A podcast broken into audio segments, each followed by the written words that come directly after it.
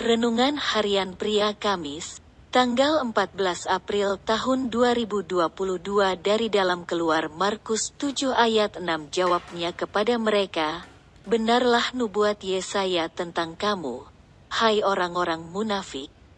Sebab ada tertulis, Bangsa ini memuliakan aku dengan bibirnya, padahal hatinya jauh daripadaku. Orang-orang Farisi menanyakan kepada Yesus mengapa beberapa murid-murid Yesus tidak membasuh tangan mereka sebelum makan. Itu bukan berarti murid-muridnya tidak mencuci atau membasuh tangan mereka sebelum makan. Karena orang-orang Farisi mempunyai cara-cara tersendiri untuk membasuh tangan. Jika orang lain membasuh tangan tidak sesuai dengan cara mereka, itu dianggap najis oleh mereka dan tidak berkenan di hadapan Tuhan. Yesus mengatakan bahwa orang-orang Farisi hanya mengutamakan penampilan luarnya saja.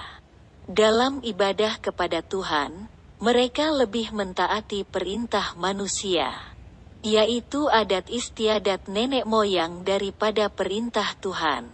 Yesus menyebut mereka sebagai orang-orang yang munafik, karena sepertinya mereka beribadah kepada Tuhan. Padahal hati mereka jauh daripada Tuhan. Begitu juga seharusnya dengan Anda dan saya dalam hal beribadah kepada Tuhan. Kita harus beribadah kepada Tuhan dimulai dengan hati kita dan bukan dimulai dengan penampilan luar kita. Ibadah yang berasal dari kerinduan hati kita untuk memuji dan menyembah Tuhan akan mempengaruhi penampilan luar kita. Jadi, ibadah yang benar berasal dari hati kita yang paling dalam, dan ibadah seperti itu akan memberi dampak yang benar kepada penampilan luar kita.